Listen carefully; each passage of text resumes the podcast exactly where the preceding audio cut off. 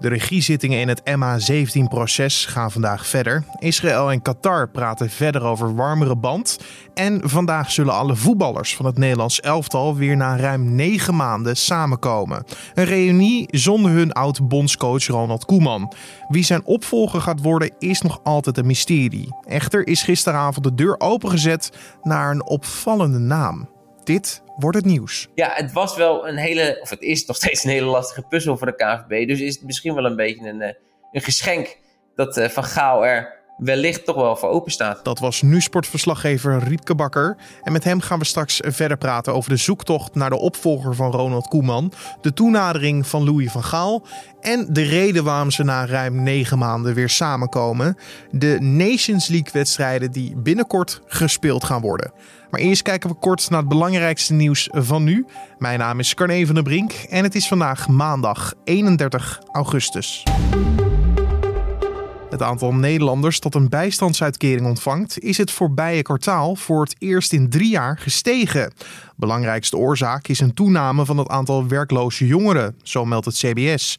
Relatief veel jongeren hebben sinds de uitbraak van COVID-19 hun baan verloren. En doordat jongeren nog niet zoveel jaren hebben gewerkt en dus ook weinig WW-rechten hebben opgebouwd, komen ze sneller in de bijstand. Zo legt CBS-econoom Peter Heijn van Mulligen uit. Ook vermoedt hij dat een deel van de jongeren die recent zijn afgestudeerd moeite heeft om aan een baan te komen en daardoor vanuit de studie meteen in de bijstand terechtkomt. Ongeveer 150 vermoedelijke slachtoffers van mensenhandel en smokkel waren te identificeren en mogelijk in gevaar na een datalek bij het Centraal Orgaan Opvang Asielzoekers in juni. Dat schrijft NRC op basis van een reactie van de opvang.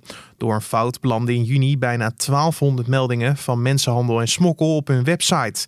In het document zouden meldingen staan van onder andere vrouwen die s'nachts op parkeerplaatsen bij de centra worden opgepikt of LHBTI'ers die onder meer bang zijn voor hun families. Het incident is gemeld bij de autoriteit persoonsgegevens die onderzoek gaat doen naar het voorval. Hoe vaak het document is gedownload in de tijd dat het online heeft gestaan is nog onbekend.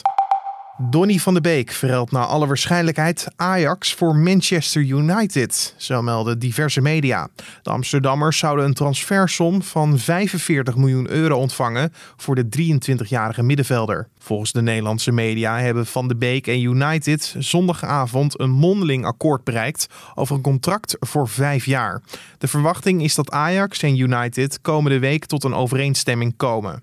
Van de Beek ontbrak zaterdag en zondag al in de selectie van Ajax voor de laatste oefenduels vanwege transferontwikkelingen. Het was toen alleen nog niet bekend om welke club het ging. Het blijkt dus de Engelse club te zijn. Parkbeheerders in Zimbabwe zitten met de mysterieuze dood van elf olifanten in een bos in het noorden van het land.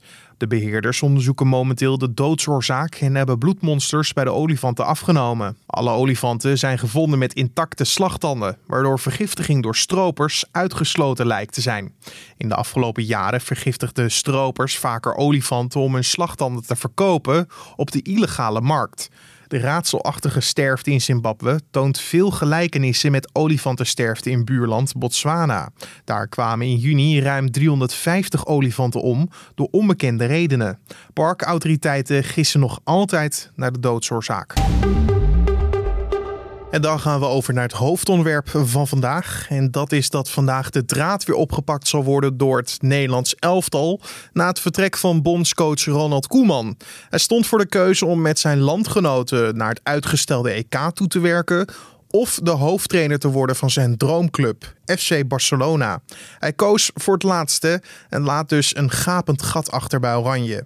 Direct na deze aankondiging kwamen de eerste namen al voorbij over mogelijke opvolgers. Maar gisteravond is de kans op een mogelijke kandidaat een stuk serieuzer geworden.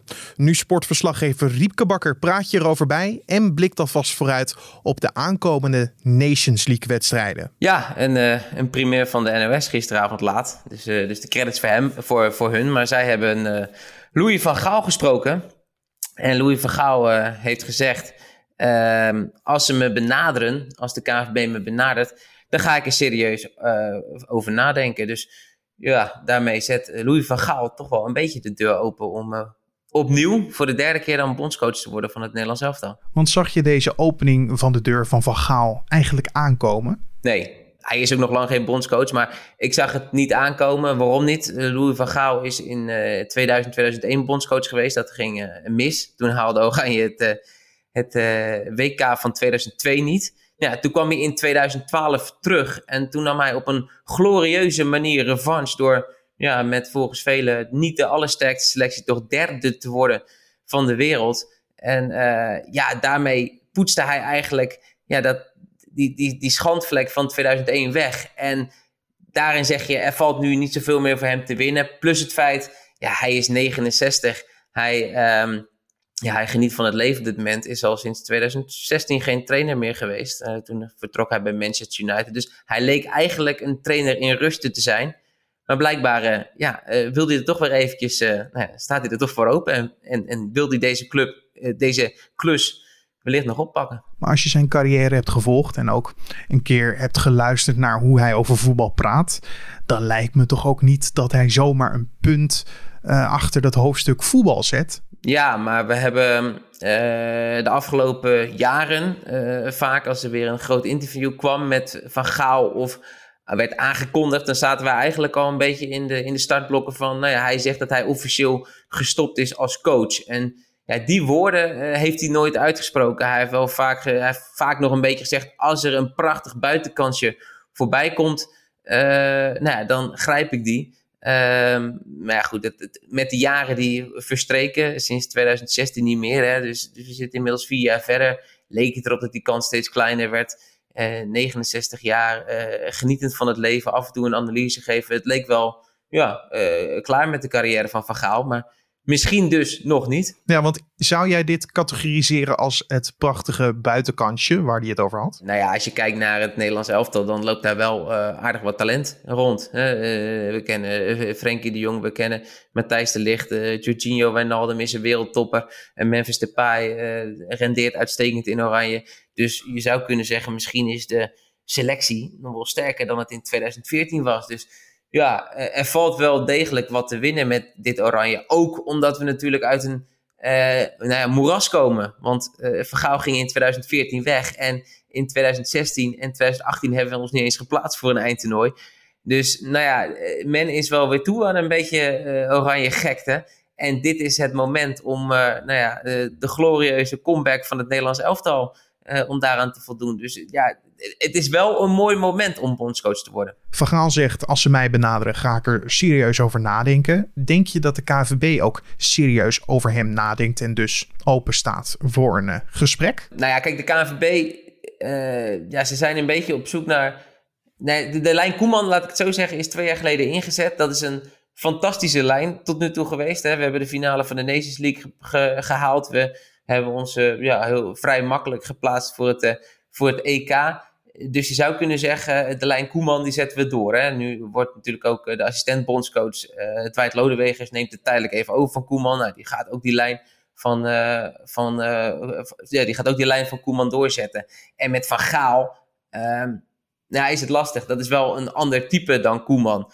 Uh, dat is iemand die over het algemeen wel een hele organisatie naar zijn hand zet. Dat heeft hij in zijn eerste twee termijnen als bondscoach ook gedaan. Die gaat echt zijn stempel drukken in de, binnen de KNVB. En die, die gaat misschien wel weer hele grote dingen veranderen. Terwijl de KNVB denkt, nou, er hoeft niet zoveel veranderd te worden. Er staat een hele goede organisatie op dit moment met Koeman en met wat we hebben bereikt. Dus ja, daar zit misschien nog wel een beetje, uh, ja, hoe zegt het, daar wringt het misschien nog wel een beetje dat Van Gaal uh, er echt een Van Gaal-organisatie wil, van wil maken. Terwijl ja, de tijd is maar kort. Het EK is, als het doorgaat, laten we het allemaal hopen, over minder dan een jaar al zover. En de KVB misschien denkt, nou, zoals het met Koeman ging, zo willen we doorgaan. Mm -hmm. Want zou er misschien een andere logische kandidaat of kandidaten zijn, los van Van Gaal? Nee, nee, dat, dat, nee. Het feit dat het, nou ja, hoe, hoe lang is het geleden dat Koeman wegging en dat er niet echt één kandidaat naar voren werd geschoven ook in de media niet, is, is, zegt veel. Dat kwam natuurlijk ook een beetje vanuit gaan dat Van Gaal ook wel klaar was met zijn trainerscarrière. Rijkaard, Frank Rijkaard is bijvoorbeeld ook geopperd. Hè? Die heeft de Champions League gewonnen met Barcelona. Maar ja, dat is wel alweer 14 jaar geleden. Is ook een trainer die ja, op dit moment geniet van het uh, niet trainer zijn en zich al bewezen heeft internationaal. En de jongere garde, hè, de Cocu en de Frank de Boertjes, die hebben toch aardig wat krasjes opgelopen de afgelopen tijd. Peter Bos, dat is eigenlijk de enige Nederlandse toptrainer op dit moment in het buitenland bij Bayer Leverkusen. Die staat nog twee jaar onder contract in Duitsland. Dus dat wordt ook een moeilijk verhaal. Dus ja, het was wel een hele, of het is nog steeds een hele lastige puzzel voor de KVB. Dus is het misschien wel een beetje een, een geschenk dat Van Gaal er wellicht toch wel voor open staat. Ja, want als je kijkt naar wat het Nederlands elftal nu direct te wachten staat. Vandaag keren ze weer terug in Zeist na ja, uh, negen maanden, ruim negen maanden elkaar niet hebben gezien. Je zou het kunnen omschrijven dus als een reunie. Allemaal uh, in voorbereiding voor de Nations League wedstrijden van eind deze week en begin volgende week. Hoe zal dat weer zijn vandaag? Nou ja, het is in ieder geval wel even gezellig om bij elkaar te zijn. Die jongens die hebben 19 november 19 eh, november hebben ze voor het laatst een, een wedstrijd gespeeld tegen Estland, 5-0. Pre-corona, het was letterlijk een andere tijd. Uh, nou ja, het is gezellig bij Oranje. Het is op zich, de sfeer is goed bij Oranje. Ze hebben daar een, in, het, in het hotel in Zeist hebben ze een gemeenschappelijke ruimte, waar Koeman ook, benadrukt heeft, waar ze met alle kunnen tafeltennissen, kunnen darten, kunnen Playstation. Het is een hele echte groep. Dus in die zin is het fijn om weer bij elkaar te zijn. En verder verandert op dit moment niet zo heel veel, want de assistent van Koeman neemt het over. Nou ja, die zal verder gaan werken in de lijn der Koeman. Maar ja, de komende dagen zweeft daar boven waarschijnlijk al wel de naam van uh, Louis van Gaal. Ja, want Lodewegens zal dus nu de interim bondscoach worden uh, na het vertrek van Koeman. Zullen we ook gelijk dan veranderingen zien qua speelwijze of uh, qua wie die opstelt? Nou, het, het, zou raar zijn als hij dat zou doen, denk ik. Want hij was de assistent van Koeman. Um, dus als hij nu de boel zou omgooien, dan zegt hij eigenlijk... ik was het al die jaren niet met Koeman eens. Um, dus nee, ik verwacht qua opstelling qua werkwijze zal er niet, uh, niet, niet heel veel veranderen. Er zal er niet een uh, enorme tactische aanpassingen komen. Er zal niet een soort, hoe zeg je dat, Dwight Lodewegens stempel op oranje komen. nee, dat niet. Het zal in principe gewoon, nou ja, een beetje voortkabbelen eigenlijk totdat de nieuwe bondscoach uh, er is. En naast de interim bondscoach zijn er verder ook nog wel een aantal nieuwe gezichten in de selectie zelf, hè? Nou ja, ja een paar. Eén uh, die is natuurlijk wel erg leuk. Het zijn, het zijn er uh, drie in totaal trouwens die nieuw zijn. Dat is uh, Mo Iatare. Nou, die is 18 jaar. volgens velen misschien wel het grootste talent dat wij op dit moment in Nederland hebben. En had natuurlijk de keuze, ook pre-corona, tussen uh, Nederland en Marokko. Uh, de afgelopen jaren zeggen dat veel talent, hè, noem een Hakim Ziyech bijvoorbeeld, dat toch voor Marokko koos. Nou ja, hij heeft voor Nederland gekozen. Uh, ja, als hij zijn debuut maakt, want hij heeft nu nog niet voor, Nederland, voor het Nederlands elftal gespeeld, dan ligt zijn keuze ook daadwerkelijk vast. Dus kijk er niet vreemd van op als Mo Iatare straks tegen Italië of tegen Polen even in mag vallen, want dan heeft hij officieel een interland gespeeld voor Nederland en dan kan hij ook niet meer voor Marokko kiezen en hebben wij hem gewoon tot het einde van zijn carrière beschikbaar voor Oranje. En uh, ja, daarnaast is uh, Matthijs de Licht geblesseerd. Uh, en daarvoor is in de plaats gekomen Per Schuurs, een jonge centrale verdediger van Ajax. En de andere nieuwkomer is Owen Wijndal, de linksback van AZ. En ook dat is logisch, want ja, Daley Blind, de linksback van Oranje, kampt op dit met, met, met hartproblemen. Dus ja daar, ja, daar moest een nieuw iemand voor komen. Ja, en met dus een paar nieuwe gezichten in de selectie, maar vooral het gemis van Koeman, kan je dus wel zeggen dat we een nieuwe fase ingaan. Helemaal als we echt een nieuwe bondscoach uh, hebben. Uh, dan toch nog even terugkijkend, hoe groot zal het gemis van Koeman zijn? Ja, dat is in die zin wel groot, omdat wat Koeman heeft bereikt, dat is de afgelopen bondscoaches niet gelukt. Hè, we, hebben, we wat hebben we gehad? we begonnen met Hiddink in 2014, daarna kwam Blind, daarna kwam uh, ik, ik, zit even. Daarna kwam Dick Advocaat alweer. Dus ja, die hebben, zijn er allemaal niet in geslaagd om zich te plaatsen voor überhaupt al een EK of WK. En dat is Koeman gelukt. En Koeman heeft ook de hele sfeer bij Oranje ja, uh, doen kantelen eigenlijk. Hè. Er is een nieuwe generatie opgestaan. We hebben de afgelopen jaren afscheid genomen van Van Persie, uh, van Snijder, van Van der Vaart al eerder, van Robben. Hoewel die misschien nu weer een beetje boven dat Oranje komt te hangen. Maar ja, er is eigenlijk met nieuwe generatie, eh, met verjonging, is er ook gepresteerd. En dat is natuurlijk razend knap. Het zag er een beetje uitzichtloos uit zonder al die grote sterren die gestopt zijn. En nu ja, ligt er weer een prachtige toekomst klaar voor, uh, voor Oranje met veel jonge spelers. We kunnen dan ook wel zeggen dat de lat vrij hoog gelegd is door Koeman voor zijn opvolger. Ja, nou ja, ja dat, dat, dat kun je nou, enerzijds wel zeggen. Aan de andere kant, ja, het is het Nederlands elftal. En wij zijn uh, drie keer nummer twee van de wereld geweest. Daar uh, ligt de lat eigenlijk altijd hoog. Tenminste, uh, ja, Koeman uh, heeft zich gekwalificeerd voor een EK. dat is ook nog niet helemaal een lat op zich, want we willen presteren op een eindtoernooi. En dat heeft Koeman nog, nu ook nog niet gedaan. Dus ja, de lat ligt altijd hoog bij Oranje. En ja, als je dan op een EK of een WK komt, dan moet er ook wel gepresteerd worden. Maar de lat ligt denk ik vooral hoog voor de nieuwe bondscoach, omdat dit een generatie is met ja, Matthijs de Ligt, met Frenkie de Jong, met Jorginho Wijnaldum, die een internationale topper is op dit moment bij, bij Liverpool, met, met Memphis Depay, die altijd rendeert in Oranje. Ja, er valt ook wel wat te halen voor je gevoel. Dus ja, is het verwachtingspatroon ook wel uh, redelijk hoog voor de nieuwe bondscoach. Dat was nu sportverslaggever Riepke Bakker. En dan kijken we wat er verder nog op de agenda voor vandaag staat. Dat is dat de regiezittingen voor de rechtszaak tegen vier mannen, die worden verdacht van betrokkenheid bij het neerhalen van vlucht MH17, vandaag verder gaan. De advocaten van de nabestaanden komen eerst aan het woord. Daarna wordt gesproken over het spreekrecht van de dierbaren van de slachtoffers en de schadevergoedingen die zijn ingediend. Naar verwachting wordt de rechtszaak pas op zijn vroegst volgend jaar inhoudelijk behandeld.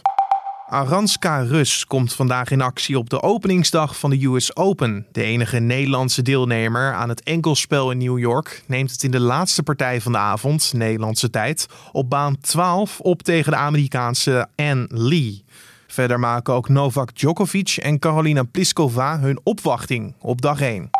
En een gemengd Israëlisch-Amerikaanse delegatie reist vandaag af naar Qatar om daar verder te praten over het normaliseren van de relatie tussen de Golfstaat en Israël. In navolging van Qatar willen ook andere Arabische landen hun banden met Israël aanhalen. Sommige deskundigen vrezen dat de Qatarese toenadering zal leiden tot nieuwe spanningen in de Gazastrook. Qatar is een belangrijke financiële donor voor de extremistische Palestijnse groepering Hamas, die daar de scepter zwaait. En dan het weer. Vandaag blijft het op een enkele bui na droog en aan het einde van de dag breekt de zon door. Het wordt 18 of 19 graden en er waait een zwakke tot matige noordwestenwind. Later op de dag breekt de zon wat vaker door en aan het begin van avond zijn er nog een paar mooie zonnige momenten. En om af te sluiten nog even dit. Een schilderij dat in de jaren 80 is afgedaan als nep, is mogelijk toch van de Nederlandse kunstschilder Rembrandt. Dat blijkt volgens The Guardian uit onderzoek van het Ashmolean Museum in Oxford. Het museum liet Peter Klein naar het werk kijken, een vooraanstaand expert op het gebied van jaringen in hout. Uit het onderzoek bleek dat het schilderij Hoofd van Man met Baard geschilderd is op een stuk hout dat uit hetzelfde paneel komt als een ander schilderij van Rembrandt. De ontdekking betekent volgens het museum dat het stuk op zijn minst uit het atelier van Rembrandt komt. Of de meester het werk ook zelf heeft gemaakt, moet nog verder worden onderzocht. En dit was dan de Dit wordt het nieuws podcast voor deze maandagochtend 31 augustus. Vanmiddag zijn we weer terug met de middageditie van de podcast. Want de Dit wordt het nieuws podcast kan je in de ochtend en middag beluisteren op de voorpagina van nu.nl en in je favoriete podcast app, zoals van Spotify en Apple Podcast. Wil je ons helpen met feedback of een vraag te sturen over hoe wij iets aanpakken? Of ja, wil je iets weten over hoe wij bij nu.nl werken? Stuur je vraag of feedback dan door naar podcast.nu.nl. Dus ons mailadres podcast.nu.nl. Of je kan een recensie achterlaten bij Apple Podcast. Mijn naam is Carne van der Brink. Ik wens je een hele mooie dag vandaag. En tot de volgende.